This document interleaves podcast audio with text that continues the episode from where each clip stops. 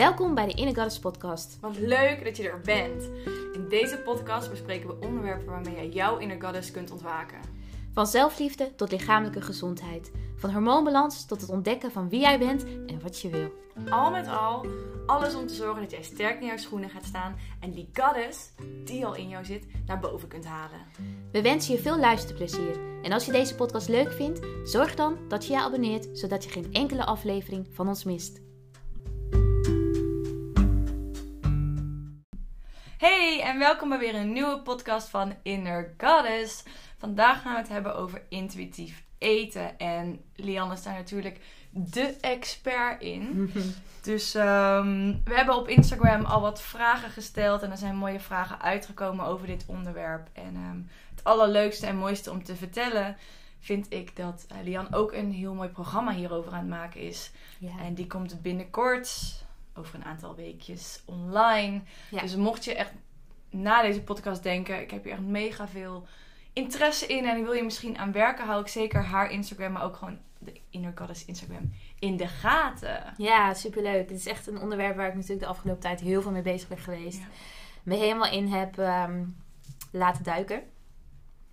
En ik moet zeggen dat het programma uitgebreider is geworden dan wat ik in eerste instantie voor ogen had. Omdat onder intuïtief eten en leven en bewegen eigenlijk superveel valt.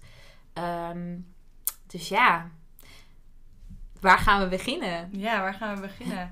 ik denk dat het misschien leuk is om te beginnen ehm, bij waar is, hoe heb jij zelf, of waar kwam dat punt dat jij overging naar intuïtief eten? Ik denk niet dat heel veel mensen weten wat het misschien betekent. Oké, misschien moeten we daar beginnen. Misschien moeten we even uitleggen inderdaad wat, Wat wat, wat, intuïtief is eten intuïtief ja. eten, wat is intuïtief leven. Omdat voor ons is dat natuurlijk iets waar wij al jaren misschien mee bezig zijn. Ja. En voor ons is het een heel normaal concept, een heel normaal begrip om daarmee bezig te zijn. Ehm, en ik heb ook wel het idee dat het steeds meer ruimte krijgt bij heel veel mensen. Dat er steeds meer over wordt gesproken. Dat het Ja. steeds meer iets wordt waar mensen mee bezig zijn. In plaats van de diëten. Ja, Die natuurlijk- diëten waar we natuurlijk mee dood werden gegooid.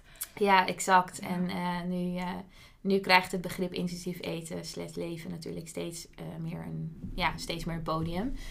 Maar, Ehm, maar wat dus is het nou eigenlijk? ja, wat dus wa- wat het- valt er nou onder? En ik denk dat het iets is wat voor heel veel, wat iedereen op een andere manier kan uitleggen. Of wat, wat voor iedereen iets anders betekent. Maar in mijn beleving is intuïtief eten slash leven. ehm, naar je hart luisteren, naar je lichaam leren luisteren. Eigenlijk letterlijk naar je intu- intuïtie luisteren. En we hebben natuurlijk al vaker een podcast opgenomen over naar je intuïtie. intuïtie. Komen er goed Zo. uit vandaag. Goed, Lian. Naar je intuïtie luisteren, ja. Naar je intu- intuïtie luisteren. Ja, dat is eigenlijk letterlijk ook intuïtief eten.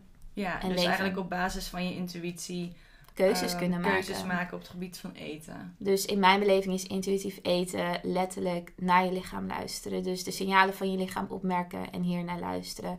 Eh, minder in je hoofd zitten. hè. Want stel nou, je hebt een langere tijd gedieet. Of je hebt een langere tijd je calorieën bijgehouden, geteld. Je hebt je aan een schema gehouden, ook als het gaat om sporten. Ja, dan, dan zet je lichaam eigenlijk op de laatste plek. Terwijl wij als mens altijd op ons lichaam kunnen vertrouwen. En ons lichaam altijd 100%, 100% weet wat het nodig heeft en waar het behoefte aan heeft. Ja. En daarnaar kunnen luisteren zonder ons hoofd daarbij te gebruiken. Dus dat is eigenlijk intuïtief eten. Intuïtief leven is naar je lichaam luisteren. In je lichaam komen, verbinden met je lichaam. En vanuit die verbinding keuzes maken Ja. rondom eten, rondom bewegen. Ehm, en eigenlijk kan je dat ook doorvoeren in alle aspecten van je leven. Dus ook je vriendenkring, familie, ehm, je werk. Ja. Ja, ja, en ik denk ook dat het goed, eh, misschien goed een voorbeeld bijvoorbeeld wat intuïtief eten dan is. Echt het meest simpele voorbeeld is denk ik weten wanneer je vol zit en genoeg hebt gehad. Of weten wanneer je echt honger hebt. ja je honger- en verzadigingsgevoel. Ja, ja. daar, daar begon het bij mij heel erg ehm, toen ik meer intuïtief ging eten. Omdat ik, zoals je net zei, heel veel mensen en ik zelf natuurlijk ook heb heel lang gedieet en aan bepaalde voedingsschema's gehouden. Dus op een gegeven moment ga je gewoon eten op een manier. Of ja, dat eigenlijk iemand anders vertelt jou hoeveel je mag eten. Mhm. En nou, dan had ik bijvoorbeeld eh, zoveel gram rijst, zoveel gram kip, zoveel gram dit. ja. En dat at ik. En dat maakte niet uit of ik nou wel honger had of geen honger had. Of dat ik al vol zat of niet. Ehm, dat ging op. ja. En dan twee uur later moest ik dan weer een maaltijd eten. Of ik nou wel of geen honger had. Het, ik moest volgens een bepaald schema. Dus op een gegeven moment ga je niet meer luisteren naar waar heb ik eigenlijk behoefte aan. Want je lichaam krijgt gewoon voorgeschoteld Ja. wat het daar binnen Dus moet eigenlijk is het heel erg vanuit je hoofd, vanuit Ja. je rationele zijn, keuzes maken rondom eten. Ja, in Ehm, plaats van, ja. ja. maar heb ik eigenlijk wel echt honger? Of heeft mijn lichaam hier wel echt behoefte aan? Dus ik denk dat dat voor mij de eerste stap was, teruggaan naar, ehm, naar mijn hongergevoel. En eten wanneer ik honger heb. En stoppen met eten wanneer ik vol zit. Maar dat is voor heel veel mensen al heel moeilijk. Zeker. Dat. Ik denk dat het ook wel een van de moeilijkste dingen is, omdat het omdat vaak onder die laag ook een bepaalde soort angst is, Ja. zit. Dat we niet op ons lichaam kunnen vertrouwen. Ja. En dat we bang zijn om naar hongergevoel te luisteren. Want wat nou als ik niet stop? Ja, Wat nou als ik alleen maar honger ga blijven hebben? Maar dat, die overtuiging wordt eigenlijk heel vaak gecreëerd uit de, de, het weten van ik luister dus echt al heel lang niet naar mijn lichaam. Ja. En ik weet ook heel goed dat mijn lichaam behoefte heeft aan heel veel andere voedingsmiddelen of andere manieren van eten. En dat geef ik dus niet meer. En stel nou, ik, ik zet die deur op een keer, dan gaat de deur wagenwijd open. En kan ik dus nooit meer stoppen met eten. Nee. Ook een manier van je natuurlijk jezelf Ja. saboteren. Om maar niet uit het patroon te stappen waar je al zo'n hele lange tijd Ja. in zit. Terwijl, wat heel grappig is, ik heb ook die periode gehad na, mijn, na al die alle diëten. ehm, en natuurlijk de eetstoornis waar ik doorheen ben gegaan. Er was ook een periode dat ik niet kon stoppen met eten. Maar dat was juist mijn lichaam die zei van dit heb Ja. je nu nodig. Zeker. Maar dat is dan heel erg eng. Omdat je natuurlijk jarenlang heb je dat eigenlijk weggedrukt. En ehm, uit angst bij mij dan om aan te komen. En ja, bij aankomen is natuurlijk nog een heel andere angst daaronder. Mhm. Ehm, en inderdaad, toen kwam ik in die periode dat ik dus juist echt letterlijk niet kon stoppen met eten. Maar ook die periode ging uiteindelijk weer voorbij. En omdat ik mijn lichaam dat juist had gegeven, kon mijn lichaam ook weer gewoon teruggaan naar van hé, hey, nu kunnen we ook weer gaan voelen. Ja, wat er vaak gebeurt, en dat is wel wat, hoe ik het vaker ook uitleg, ehm, heb ik vast hier ook wel eens een keer uitgelegd in een, een of Mhm. andere podcast, is de chaos en de controle. Hè, dus als jij bijvoorbeeld eh, een lange tijd hebt gedieet of aan een schema hebt gehouden of ergens je controle hebt gevonden rondom eten, dan zit je heel erg in je controle. Weer je mannelijke energie, Ja. alles meetbaar maken, alles overzichtelijk houden. En op het moment dus dat je dat stukje bij beetje ehm, gaat willen veranderen naar het naar je lichaam luisteren, heb je het gevoel dat je heel erg in de chaos zit. En de chaos is natuurlijk meer die vrouwelijke energie. Ja. Het is niet meer overzichtelijk. Prachtig Het is niet meer- chaos. Ja, het is mooi, maar het is wel hetgene waar je eigenlijk heel erg bang voor bent. Ja. Of waar je brein en je zenuwstelsel bang voor zijn. Want we kennen het niet. Het is niet veilig, letterlijk. Ja, Ehm, en pas op het moment dus dat je die chaos leert omarmen, dus leert luisteren naar, oké, ik heb dus meer honger. Ik heb meer hongergevoel. Ik heb ook meer zin in, in dingen die ik vroeger nooit at of mezelf nooit de toestemming voor gaf om te eten. En dat is ook een dingetje wat we kunnen Ja. aanraden, toestemming geven om te eten. ja. Ehm, daar hebben wij natuurlijk heel veel eh aan gewerkt. Ehm, ga je merken dus dat als je dat gaat omarmen en dus niet op die rem gaat trappen op het moment dus dat je in die chaos zit, de, de, Eigenlijk wanneer die angst je- naar boven precies, komt, dat, dat je dat gaat omarmen ja. en je zenuwstelsel daarin gaat reguleren door iets anders te doen in plaats van controle erop te zetten, ga je dus in het midden ja. zitten. Dus waar je lichaam altijd naar op zoek is, is een balans. En dat noemen we homeostase. Ja. En daar gaat het je altijd weer op terugbrengen op het moment dus dat je daarna gaat luisteren. En wat ik ook altijd zeg tegen cliënten en, en volgens mij ook wel online op Instagram is dat... Ja, het is niet dat jij je lichaam niet kunt vertrouwen. Want jij kunt altijd, altijd op je lichaam vertrouwen. Je kunt erop vertrouwen dat je lichaam één doel heeft voor jou. En dat is jouw leven houden op de, zoveel, op de meest zo gebalanceerde manier. Die, die kan vinden.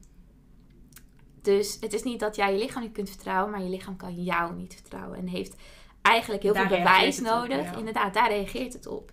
En je lichaam heeft heel veel bewijs nodig dat het weer op jou kunt, kan vertrouwen. En dus alle signalen die het afgeeft, dat op het moment dat je daarmee naar gaat luisteren, gaat het weer terug naar de homeostase. En ga je dus tussen de, ba- de echte balans vinden tussen chaos en controle. Alleen het is heel even door de zure appel heen bijten, Ja, eigenlijk in het begin. Ja. Ik leg het ook altijd aan mijn cliënten uit. Ehm, omdat ik natuurlijk heel vaak cliënten heb eh, waarbij er heel veel symptomen en klachten zijn. En dat zijn natuurlijk eigenlijk allemaal, ehm, ik noem het altijd ons eigenlijk letterlijk, je lichaam is eigenlijk een soort van je eigen huisarts of je eigen dokter. Die Ja. eigenlijk met die symptomen probeert aan te geven, er klopt iets niet. Ehm, maar ik zeg altijd, je lichaam werkt... Wij, wij zeggen, nee, in ieder geval, ja, ik heb het ook heel lang gezegd.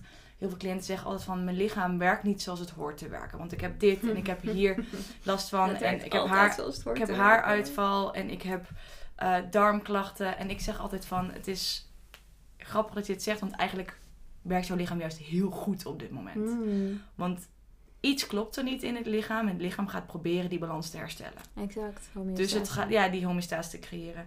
Dus het gaat op zoek. Dus als het ene uit balans gaat, dan moet het misschien iets anders even laten vallen. Mm, Een ander systeem wat misschien ja, gaat dan misschien minder goed werken of iets dergelijks. Maar dat doet het omdat het je anders niet in balans kan houden. Dus ja, dan krijgen wij een soort van vage klachten waar wij zelf niet zo heel blij van worden. Maar jouw lichaam denkt, het enige wat nu belangrijk is, is dat ik overleef. Dus die vage klachten neemt het voor lief. ja. Zolang het maar ergens een balans kan creëren. Dus ik zeg altijd, je lichaam werkt eigenlijk heel goed. ja, want dat is net zoals Ga, met- want het is jou in ja. balans aan het houden. Het is aan het proberen te overleven. Alleen met die symptomen moet je eigenlijk gaan kijken van... oké, maar waar zit dan die disbalans... en waardoor moet mijn lichaam nu Zo op deze manier gaan werken... compenseren. te Ja. compenseren inderdaad. Dus eigenlijk werkt ons lichaam altijd heel goed. Ja, Alleen wij, inderdaad, zoals je net zei... het vertrouwt ons niet. Want wij halen het eigenlijk helemaal uit balans. ja. Ja, en, en dat is ook altijd wat ik zeg, bijvoorbeeld met dus angsten die je hebt, of met paniekaanvallen of dergelijke. Het lichaam werkt voor jou en je brein werkt voor jou, dus is jou heel hard aan het beschermen. Dus stel nou, je gaat, eh, je maakt de keuze, je maakt een commitment naar jezelf dat je meer naar je lichaam wilt luisteren, dus je wilt intuïtief leren eten. Dan ga je dus ook merken inderdaad dat er angsten omhoog komen. En dat is helemaal oké, want angsten zijn er eigenlijk letterlijk om jou te beschermen. En op het moment dus dat je merkt dus dat die angsten omslaan in een paniekaanval, hoef je daar niet bang voor te zijn. Want je lichaam doet het om jou te beschermen, omdat het een patroon is. Je hebt een hele lange tijd, jij, Jip ook, hebt een hele lange, patroon, een lange tijd een patroon aangehouden als het gaat om eten. Als op het moment dat je dus dat gaat doorbreken en, en letterlijk die uitdaging aangaat om eens te luisteren naar dat je zin hebt in een cappuccino in plaats van een zwarte koffie. Het zijn kleine dingetjes natuurlijk. Ehm, dat je zin hebt in een toetje bijvoorbeeld, of je wilt een stuk taart eten, dan ga je dus ook merken dat er gedachten omhoog komen. En dat er angst omhoog komen, bepaalde gevoelens omhoog komen. Maar dat is oké, want je brein denkt, fuck, dit zijn we niet gewend. Dit kennen we niet. En als het brein iets niet kent, dan denkt het, we moeten haar weer terugroepen, want Ja. dan zijn we misschien in gevaar. Ja, want het wordt gelabeld als onveilig. Ja, exact. En dat, dat moeten we proberen om te... Ja, we moeten het onveilige... of Veilig moeten, maken. Ja, je moet, gaan ja ik vind hierin moeten. Ja, uiteindelijk wel is, is, het, is het stukje omarmen dat die angsten er zijn om jou te beschermen. En, en de lichamelijke en de, de reactie uit je brein te erkennen, te herkennen, te omarmen. En jezelf veilig maken in deze situatie. En dat doen we dus door ons zenuwstelsel Ja. te reguleren op dat soort momenten. Dus wat zijn onze triggers? En triggers zijn eigenlijk letterlijk herinneringen opgeslagen in ons brein. En ons brein doet er alles aan om onszelf altijd op dezelfde manier te laten reageren. En dit klinkt misschien een beetje hocus maar dat is wel ook hoe, hoe wij werken als mens. Dus ook wat we kunnen meenemen in intuïtief eten. Is, ik weet hoe mijn lichaam altijd reageert. Hoe mijn brein altijd reageert op het moment dat ik in een patroon blijf en dat ik eruit ga. En hoe zou ik willen, eh, hoe zou ik willen reageren op het moment dus dat ik uit dat patroon ga stappen? Hoe zou ik willen reageren op die angst? Hoe zou ik willen reageren op die lichamelijke reactie? Wat zou ik kunnen doen om mijn zenuwstelsel te reguleren op dat moment? Bedoel je hierin visualiseren? Nee, het is echt letterlijk je, je zenuwstelsel leren Mhm. reguleren. Niet om in het patroon te blijven, want eigenlijk werkt je brein zodat het heel fijn is dat in het patroon te blijven. Dus dat reguleert je zenuwstelsel. En op het moment dus dat je uit het patroon gaat stappen, dan wil je leren aan je lichaam om je zenuwstelsel op een Ja. andere manier te reguleren. En dat zou kunnen, eigenlijk wat ik altijd zeg, het makkelijkste is, en hetgene wat je altijd bij je hebt, is je ademhaling. En leren reguleren, of je zenuwstelsel leren reguleren door op je ademhaling te letten. Dus door bijvoorbeeld vier tellen in te ademen, vier tellen uit te ademen. Met jezelf te gaan zitten en jezelf dus veilig te maken in een Ja. situatie. Van het doorbreken van het patroon waar je Ja, in want zit. normaliter als je natuurlijk in een onveilig, onveilige situatie zeg maar, inkomt, ehm, gaat je eh, ademhaling natuurlijk omhoog. Ja, dat is bij iedereen anders. De, de ene gaat juist dit doen, dus Of letterlijk vasthouden, ja. vasthouden van ademhaling. Ehm, je hebt eigenlijk ehm, een be- bepaalde soort oerreacties. Of je Ja. wilt wegrennen. Fight or Eh, flight. fight or flight. Or freeze. of freeze of fawn. Dus je kan letterlijk ook compleet bevriezen. Niet bevriezen, maar je kan letterlijk, je lichaam kan alles uitzetten. Oh ja. ja. Zodat je bijvoorbeeld in een bepaalde dissociatie komt. Ja. Dat is natuurlijk een Een hele heftige reactie. Ja. Eh, inderdaad, een soort blackout. Ehm, en dat, is, dat zijn wel de heftige reacties op het moment dat Ja. je een patroon doorbreekt. Maar het kan wel, in mindere mate kan het wel gebeuren. Ik, weet, ik kan het gevoel hebben dat je heel veel onrust creëert. En dat is letterlijk wil losbreken. Ja. Ik kan het gevoel hebben dat je compleet bevriest Ja. op het moment dus dat je dat gaat doen. Ehm, dus dit zijn eigenlijk een aantal reacties die omhoog kunnen komen op het moment dus dat je dit soort keuzes gaat maken. Ehm, ja, waar willen we naartoe met dit verhaal? Nee, naar hoe je dan, eh, als je dan op je ademhaling gaat letten, je lichaam eigenlijk letterlijk dat, dat veilige gevoel kan geven. Mhm. Mhm. Omdat wanneer je natuurlijk, ehm, ik herken het zelf ook, als ik heel erg gestrest ben of bijvoorbeeld vlak voor een workshop of een webinar of iets, dan merk ik ook vanuit ook het enthousiasme, maar ook je adrenaline gaat natuurlijk omhoog, dat ik veel oppervlakkiger begin adem te halen. En voordat zo'n webinar is bijvoorbeeld, dan zorg ik dat ik heel even ga zitten om even diep adem te halen. En drie keer, wat ik zelf ook altijd doe, is ademhalen en dan zuchten. Omdat Ja, drie keer zuchten, helpen. dat is, ik heb ergens ooit geleerd dat zuchten en dat geluid maken ehm, je lichaam een signaal geeft van het is veilig. Ja, je hebt verschillende. Eigenlijk alles wat met ademhaling te Ja. maken heeft, geeft je lichaam, ja, reguleert je zenuwstelsel. En dat creëert dus eigenlijk dat ons lichaam veilig, Ja. zich veilig voelt. Dus het zenuwstelsel reguleren is eigenlijk het doel. En dat creëert dus eigenlijk het stukje veiligheid in je lichaam en je brein. Dus het is gewoon, we gingen er naartoe dat dit een mooie tool is om je lichaam op die momenten dat je een patroon doorbreekt veilig te voelen. Ja, ja en dat is iets wat, wat voor mij heel erg heeft gewerkt Ja. in het herstellen van mijn eetstoornis. En daarna het leren luisteren naar mijn lichaam. Ehm, om, om, ja, om meer, want natuurlijk in onze kern willen we veiligheid creëren. Ja. En veiligheid creëren in ons lichaam. En ik denk dat de verbinding met je lichaam het meest mooie doel is om naartoe te werken. Of het meest, ja, dat is iets waar je natuurlijk altijd aan werkt. Ja.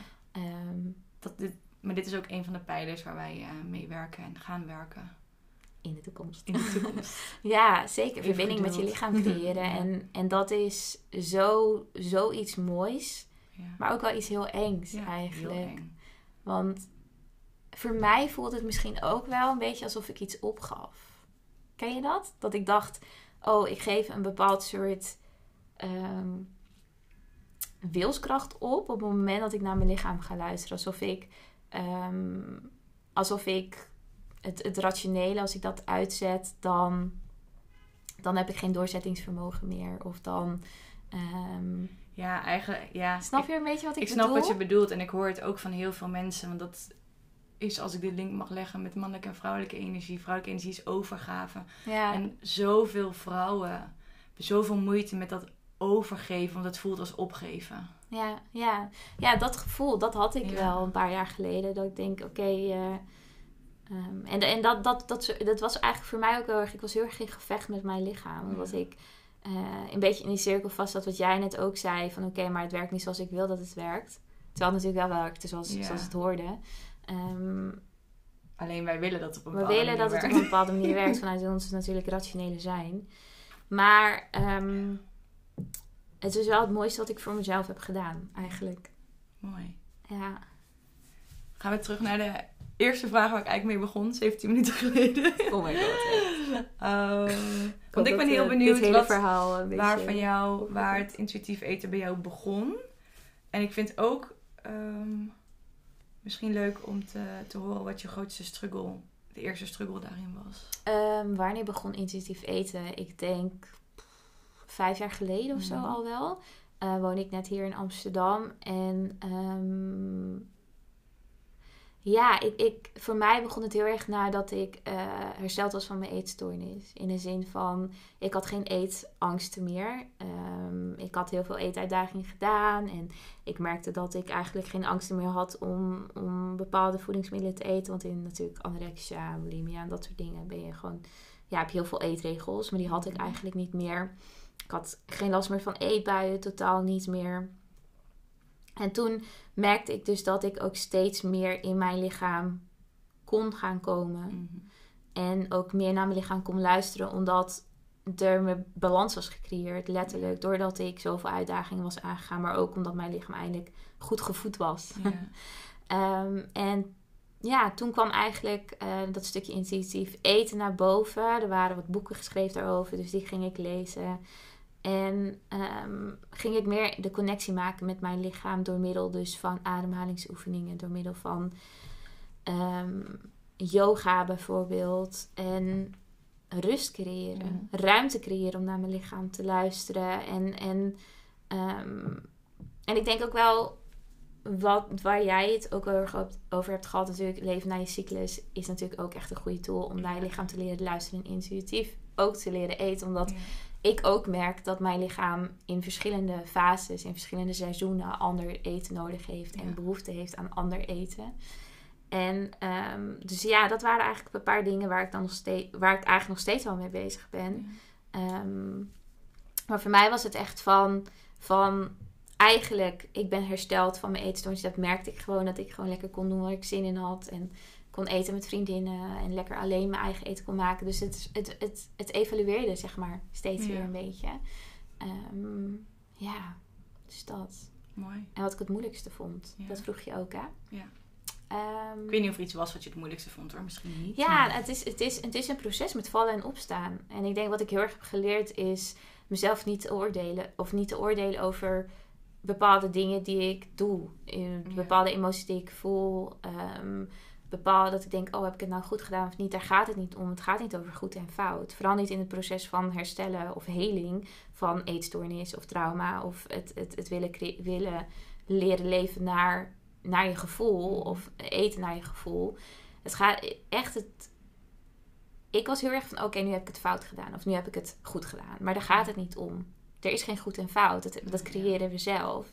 Op het moment dat ik vind dat ik iets fout heb gedaan, denk ik dat ik heb gefaald en dan zit ik weer helemaal in een negatieve spiraal. Voor mij ging het echt om omarmen en rust creëren. Ik denk dat ik het moeilijkste vond was rust en ruimte creëren in een wereld die zo hard doorraast. In een mm. maatschappij die zo hard doorraast. En het, het opzetten van een bedrijf en daarnaast ook nog aan mezelf werken. Ehm, ruimte voor mezelf innemen hierin. En, en hier aan mezelf werken. Ja, ik denk dat ik dat wel het moeilijkste vond. En het vertrouwen op mijn lichaam. Ja. Denk ik ook wel. Ik denk dat heel veel zich hierin herkennen. Ja, fijn. nee, ja, mooi. Ja, maar ik denk wel uiteindelijk is dit, wat, wat je ook doet, wie je ook bent, is dit hetgene wat, wat in onze kern allemaal een soort, van, een soort van desire is om dit te creëren voor onszelf. Ja, sowieso. Het is eigenlijk gewoon back to nature. Ja, exact. Terug naar hoe er vroeger werd geleefd. En het is, het is ook een stuk moeilijker in deze maatschappij. Ik bedoel, vroeger was het. En dan heb ik het over heel vroeger, heel, heel, heel vroeger. Um, je at wat er, wat er om handen was. Ja. Dus je at letterlijk, nou, als jij in, in, in die periode daar op de wereld leefde, dan at jij dat fruit, die groenten. Want er was niks anders. Dus je moest dan met de seizoenen leven. En um, je gaf je lichaam wat het nodig heeft. Maar het is ons zo moeilijk gemaakt omdat we Zoveel keuzes hebben. Zoveel keuzes. Het is gewoon bijna keuzestress gewoon. Ja, maar dat er is, is zo Soms denk ik echt, wat ga ik nu weer eten? Waar heb ik nu weer... Ja. er is zoveel. Je kan zoveel maken. Je kan zoveel bestellen. Wij, wij wonen... Ja, en we hebben allemaal dingen die voor de seizoenen helemaal niet in Nederland horen te groeien of whatever. Dus... Dat is ook wel waar, ja. Dus het is veel moeilijker te luisteren naar van waar heeft mijn lichaam nu eigenlijk in dit seizoen, op dit moment, behoefte in dit deel van de, de wereld behoefte aan.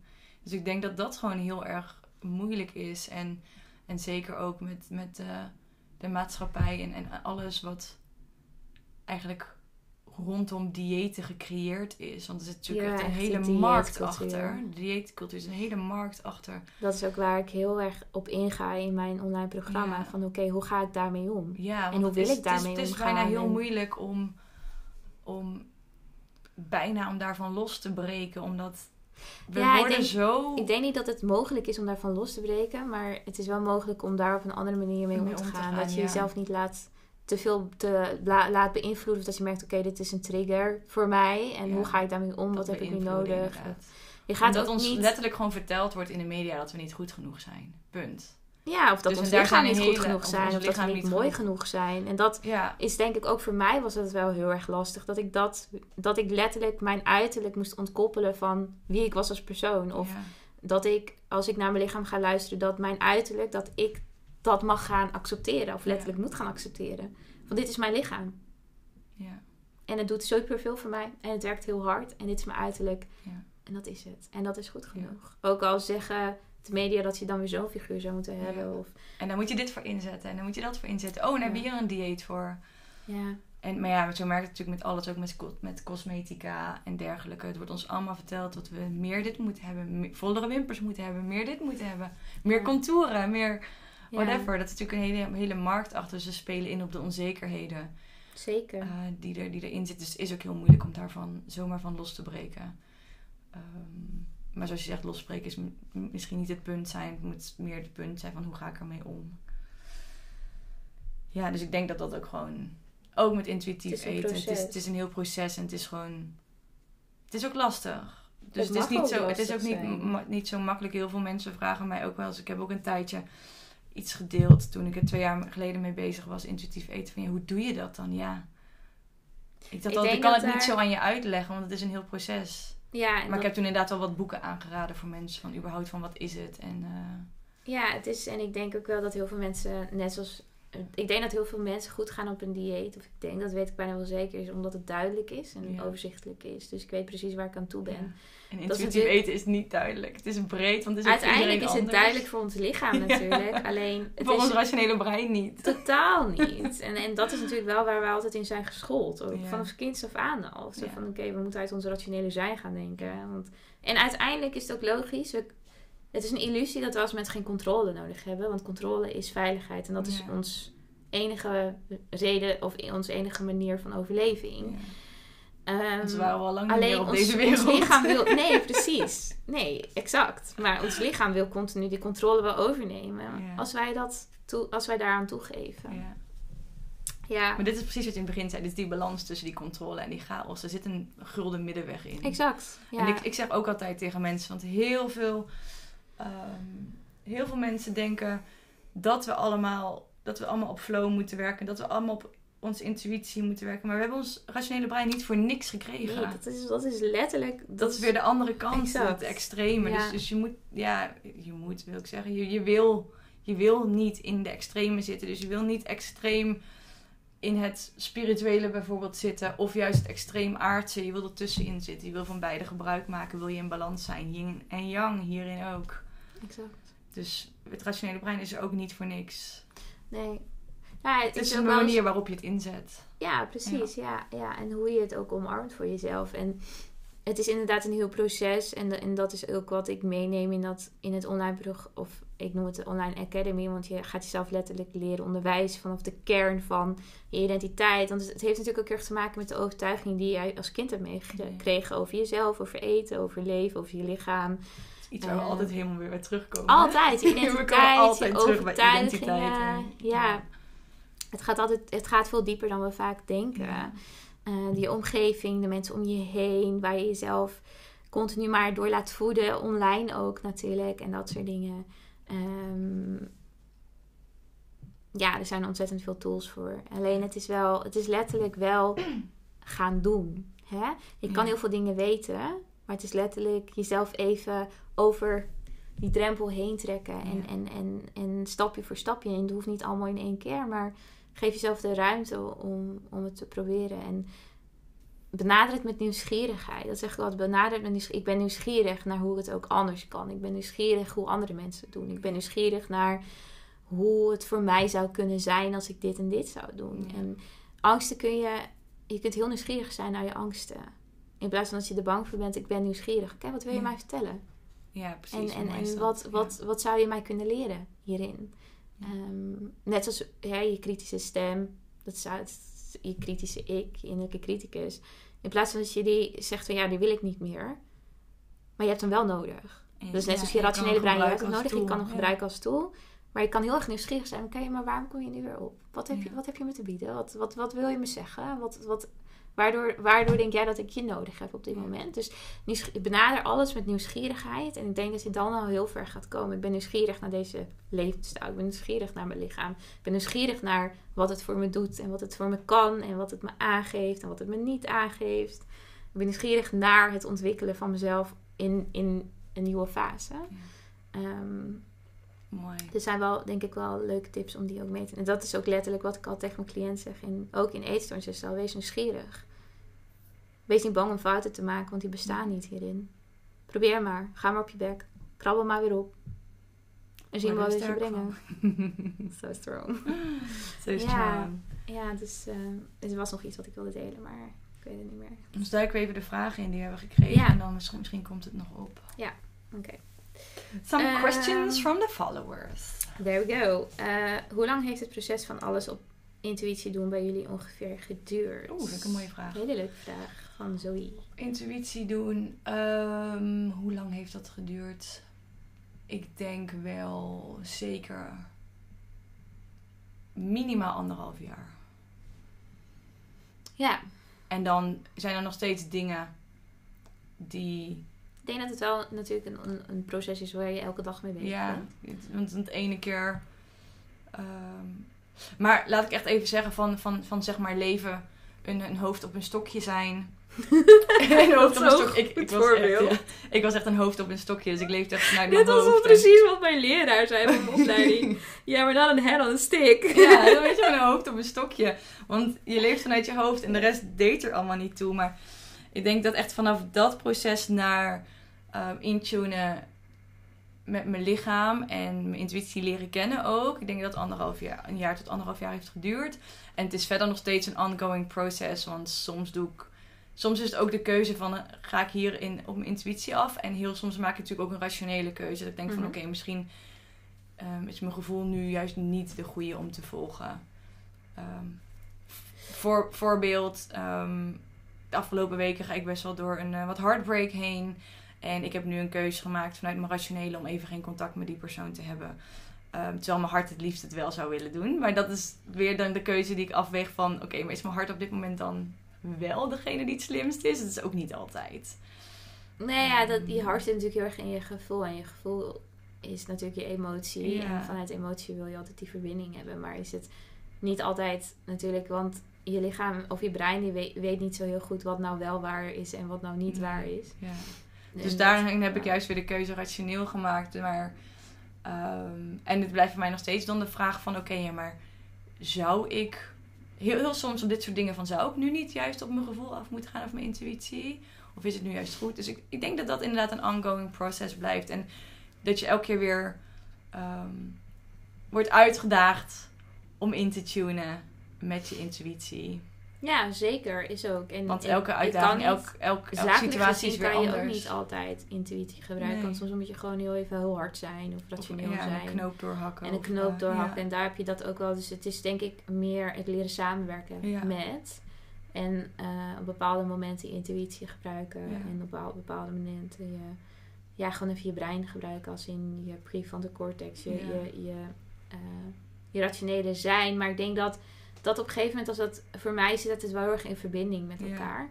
Dus, ehm, maar ja, je gevoel is natuurlijk je, je letterlijk opgeslagen in jou. En dat, daar zul je ook heel snel uit reageren op het moment. Dus dat, ehm, dat ja, dat is misschien iets waar we misschien een andere keer, Een andere keer Want ik, denk nu ook aan hoe, je- hoe je lichaam en je, en je brein in een verbinding staan. Dus meer gewoon met je vagusnerve. Maar dat is heel leuk om daar een keer een podcast over op te Ja. nemen. Als jullie dat willen. Maar voor jou was hetzelfde vraag. Oh, wauw. Hoe lang heeft het bij jou Ehm, geduurd? ik, denk, ik denk ook wel een jaar. Ehm, Maar ook een ongoing process voor me, voor Ja. mij. Zo. het begon bij mij erg natuurlijk eh, naar de eetstoornis leren op mijn lichaam, eh, naar mijn lichaam luisteren als het ging om eten. Ehm, en, en daarna was het voor mij ook gewoon met ups en downs als het ging om, om werken, maar ook om, om vriendinnen en Ja. keuzes maken vanuit, vanuit die intuïtie. En dat had wel te maken ook met, eh, met heel veel angsten die daaronder zaten. Ja. Van oké, bang om in de steek gelaten te worden of bang dat ik niet goed genoeg was. En daar ook heel erg mee aan de slag gegaan om continu maar weer... Ja. Dus het duurt wel gewoon even. Het heeft- Ja. ja, maar zie het ook niet als een doel van oké, Nee. nu kan ik naar mijn intuïtie luisteren. Zie het als een, nou, net zoals Op een gegeven moment doe je het gewoon. geluk. Ja, op, een gegeven moment, precies. op een gegeven moment dan merk je gewoon, dan denk je in één keer terug en denk je, wow.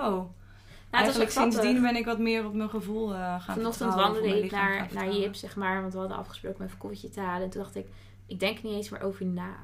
In de zin van, ik denk er niet eens meer over na eh, qua eten of zo. Of Nee. qua waar heb ik zin in. Of ja, het is gewoon letterlijk hoe het gaat. Het is Ja. gewoon, het, het, het, is gewoon, het vloeit. Ja, heerlijk. Next one. Oké, fijn. Question number two. Hebben jullie nooit meer dat je je schuldig voelt over iets dat je hebt gegeten? Of hoe ga je hiermee om? Ik nooit meer. Ehm, niet in de zin van dat ik het niet mag, maar soms voel ik me wel schuldig omdat ik intolerant ben voor gluten. En dan zijn mijn darmen niet zo heel blij. Ja. Maar dat Maar is het meer een... is natuurlijk wel een hele heftige emotie natuurlijk. Schuldig wordt Ja. natuurlijk gecreëerd uit een regel die je hebt voor jezelf dat iets Maar niet is mag. echt schuldig niet. Het is meer dat ik soms denk van... Och, misschien Was het niet heel, heel slim. Ehm, Sorry lichaam. net, net als dat ik het... Voordat we, het, eh, voordat we de podcast begonnen op te nemen... had het ook even over. Ik heb eh, maandag eh, anderhalve fles wijn op. In, Mhm. zeg maar, ik was met een vriend van mij. En samen hebben we zeg maar drie flessen wijn op. Het was misschien ook niet heel erg fijn de dag erna. Maar nee, niet vanuit een schuldgevoel. Omdat ik dan, dat ik dan denk van... Dit had je niet mogen doen om dit, dit en dit. Of eh, nee. Nee, totaal Nee. niet. Vroeger natuurlijk wel, maar nee, Nee. echt niet. Ik bedoel, ik heb echt leren omarmen, embrace it, let it go. Het is oké en Ja. niet meer denken Same. aan de keuzes die ik heb gemaakt of zo. Nee, totaal niet. Maar ik hoef me ook nergens vrij schuldig over te voelen, want ik heb geen regels. Of ik hou me nergens aan vast. Of, Nee, true. ehm, nee. Dus stel nou, je hebt dit wel, ga ermee aan de slag. Let's Maar go. hoe ga je hiermee om als je dat wel hebt? Ja, ga ermee aan de slag. Wat zijn je angsten? Wat zijn je overtuigingen? Wat zijn je regeltjes rondom eten? Doe de cursus van Lianne. I know, doe mijn cursus. Ehm Schaamteloos houd de promoten Instagram in de gaten. Maar ja, het is ook gewoon, het is, je moet hier zoveel dieper in gaan. Oh Dit kun je God. niet leren vanuit een podcastje. Dat, is, dat, dat werkt gewoon niet. Nee. Maar neem het wel serieus. Het is Ja. wel fijn ook voor jezelf om daarmee aan de slag te gaan. Want Ja. het is gewoon geen fijn gevoel. En het is, ja, schuldig voelen is letterlijk ook weer dat overlevingsmechanisme. Ja. Van, eh, je doet, ja, letterlijk je brein die jou wil beschermen. Omdat je een, iets doorbreekt waar je dus een lange tijd in hebt gezeten. Dus ehm, omarm het. Wees nieuwsgierig. Nieuwsgierigheid naar de, naar de Oké. ehm, wanneer kan je na een eetstoornis gaan vertrouwen op intuïtief eten in plaats van eten op de klok en schema? Ja, wanneer? Dat moet je echt bespreken met, met, met je therapeut eigenlijk. Ja. Dat kan ik niet zeggen. Voor mij was dat punt heel erg dat, ehm, dat ik merkte dat mijn eetschema, of de klok, ja, de klok is letterlijk echt de controle. Dat moet je echt gaan loslaten überhaupt al. Dan moet, dan moet je überhaupt in je eetstoornis... Dus daarmee hoe laat je eet, ja, je ja, maaltijden. is gewoon echt bullshit. Dat had ik, ook. ik had altijd op mijn eetschema 12 uur dit. En dan 1 uur dit. Dat is gewoon bullshit. Dat, dat Ja, heb ik gelijk ook. al geschrapt Ja. op dat moment. Ehm, en voor mij was dat, heb ik wel heel erg gehad dat ik altijd om de hele uren moest eten. Zeg maar dat het alleen 0-0 en dan mocht ik beginnen met eten. Dus als het dan zo 12 Wow. uur 9, ja, ik was echt. Wow, was die is echt- heavy. Ja, ja, het was echt Nee, heftig. ik- klok heb ik nooit 12 zo uur gehad. 59 en was het 13.00 en dan mocht ik eten. Maar dat heb ik gewoon echt doorbroken door gewoon op de meest random tijden voor mijn gevoel gaan eten. En dan was het ook weg. Dus let Ja. ik tegenovergesteld handelen. En het schema, ja, op het moment dat je merkt dat je het tegenhoudt. Dat als je honger hebt en het past niet in het schema, dan weet je gewoon, ja, fuck, dit houdt me gewoon tegen. Ja. Ehm, ja, als je je schema tegenhoudt, dan moet je ermee stoppen. Ik zit echt na te denken wanneer het bij mij was dat ik mijn schema losliet. Dat was wel al voordat ik bij jou Ja, terecht kwam. klopt. Want ik werkte niet meer met schema's of iets dergelijks. Maar. Zo, ja, dat heeft ook wel even wat tijd gekost. Want wanneer je in die. Ja, ik zat natuurlijk ook echt in die bikini fitnesswedstrijden. Jij, jij natuurlijk ook. Toen had ik echt vaste schema's en vaste tijden op wanneer ik moest eten. Omdat je natuurlijk een bepaald doel hebt. En je, ik moest zo snel naar beneden gaan in eh, vetpercentage. En eh, per week werd dat gecheckt of ik wel genoeg naar beneden ging. Ja, dat was heavy. Eh, ik heb het eigenlijk daarna meteen losgelaten. Dat. Ja, maar maar daarna ook wel weer. Ik had altijd ook wel weer. Ik had het daarna losgelaten. Vervolgens toch weer eentje. Maar ik kon me er nooit aan houden. Dus het werd altijd zo'n. En dat, werd, dat hield me op een gegeven moment heel erg tegen. Want ik strafte mezelf dan helemaal af dat ik me niet meer aan kon houden. Omdat Ja, mijn dus lichaam eigenlijk zei. Ja, schuldig gevoel, toch? dus omdat eigenlijk mijn lichaam echt zei van... Yo, je wil je hier niet meer aan houden. Let the fuck go, weet je wel. Ja, dus eigenlijk Ja, is het dus letterlijk... Wanneer kan je na een eetstoornis gaan vertrouwen op intuïtief eten? Is, ga maar eens van je schema af. En, en, en ja, doe mijn cursus dan. en, of mijn eh, online academy. Meld je daarvoor Of doe het met je therapeut. Of doe het met je therapeut. Ehm, maar wat voor in mijn, zeg maar, wat tegen mij heel vaak werd gezegd, en dat hoor ik van cliënten die, in, die bij verschillende therapeuten of psychologen of coach hebben gezeten, is dat je niet op jezelf kunt vertrouwen. Maar fuck dat. Je kan altijd, altijd 100% op jezelf vertrouwen. Vertrouw maar op jezelf. Je kunt het wel. Je lichaam weet het wel wat het nodig is. Maar dan is het aan jou om dus ook die confrontatie met jezelf aan te gaan. Dat Ja, als je ergens zin in hebt, niet. Ja. dat je het gaat nemen. Als je die commitment maakt met jezelf en het feit ik kan op mezelf vertrouwen en dus op mijn gevoel vertrouwen, dan, dan, dan kan je dat doen. Ja, en ik snap het wel dat er natuurlijk bij therapeuten heel erg angst zit. Want als je gaat vertrouwen op de eetstoornisstem in je hoofd, Ja, dan maar is dat het werkt niet. natuurlijk anders. Maar dat dus je kan niet vertrouwen ja. op, op die gedachten. Maar Nee. je kan wel altijd vertrouwen op jezelf. Ja. Want als je vertrouwt dat, op is het, jezelf- dat, is, dat is het ding waar je dus naartoe moet. Dat is het moeilijke ervan. Ja, is ook moeilijk. Want wat Is ben ik zelf moeilijk. en wat is die stem in mijn hoofd? Maar dat weet je heel altijd. veel Dat weet je Je altijd weet het wel. ergens wel. Je weet het altijd. Ik wist het Alleen altijd. moet Ik wist precies welke de stem eerlijk zijn naar jezelf. Je moet Dat dus zo moeilijk, eerlijk. Je ja. moet echt die confrontatie aangaan met die gedachten. Ja. En daar zit dus die angst aan en daar moet je dan weer mee aan de slag gaan. Dus Ja. ik raad... Oh, foutje. Huh? Shit. Oké, nee, niks. Telefoon Ze raakt- een beetje Ze raar. raakte even de, de vraag kwijt. Ehm, ja, nee, dus ehm, ja, dit is, dit is echt zo eerlijk zijn aan jezelf. En confrontatie aangaan. En je weet altijd wat die eetstoornissen gedachten zeggen en wat jij zelf zegt. Ja.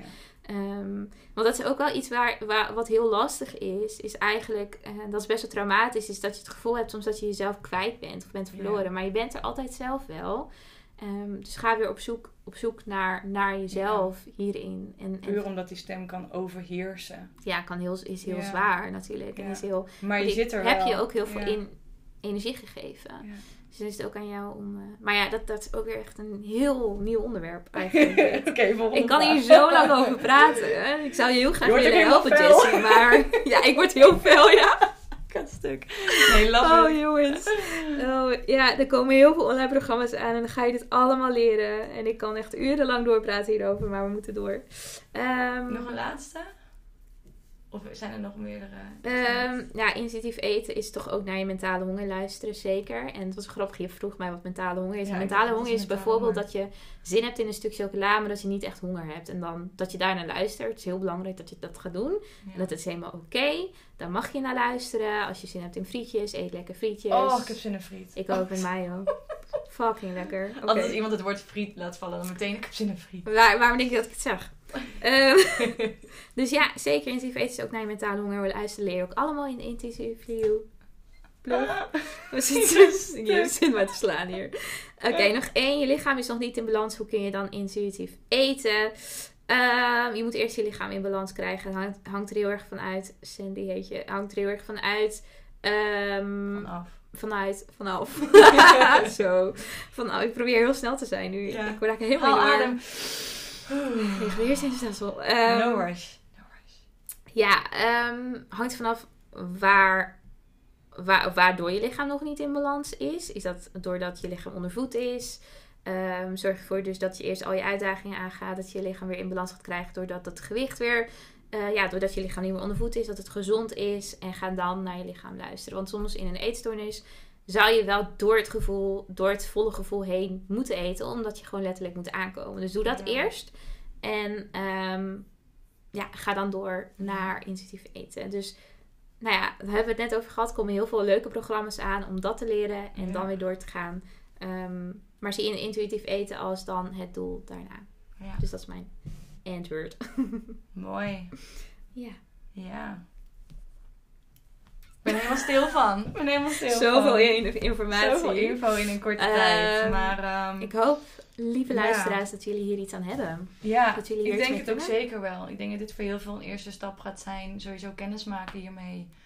En ehm, ja, wat, wat- je een beetje kunt verwachten en wat eronder zit. Want het klinkt altijd... Ik vind dat bij dit soort dingen, het klinkt van... Ja, je moet gewoon intuïtief eten. En het klinkt heel makkelijk, maar er Ja. zitten natuurlijk zoveel mentale dingen onder. En dat is met alles. En, ehm, Er is een reden waarom je het niet doet. Ja, En die reden, daar mag je, daar mag je heel nieuwsgierig naar zijn. ja, en ik denk dat dat voor heel veel de eerste stap gaat zijn. Ik denk dat het Ja. eh, een hele mooie gaat zijn ook. Zeker, zeker. En zie het niet als einddoel, maar zie het juist als een ontwikkeling. Prachtig. En Nou, met ik- die woorden sluiten we de podcast af. Dankjewel voor het luisteren. Leuk dat je er weer was. Jullie hebben het gehoord, er komen heel veel leuke dingen aan. Dus hou ons in de gaten ehm, op onze Instagram. Innergoddess-nl en op onze privé Instagrams. Jullie weten ons te vinden. Zeker weten. Anders was je hier misschien niet geweest. Nee, en ehm, ja, we- tot de volgende keer. Laat ons vooral weten wat je van deze aflevering vond. Ehm, abonneer je op ons kanaal. Ehm, sla ons op op Spotify. Eh, wat kun je allemaal doen? Ik weet niet op welke je luistert, maar er zijn natuurlijk een hele hoop. En ehm we hopen de volgende keer gewoon een berichtje als je nog eh, vragen hebt of als je onderwerp hebt die, wij, die jij wilt dat wij bespreken. En we zien je graag bij de volgende aflevering weer terug. Ciao, ciao! Doei doei!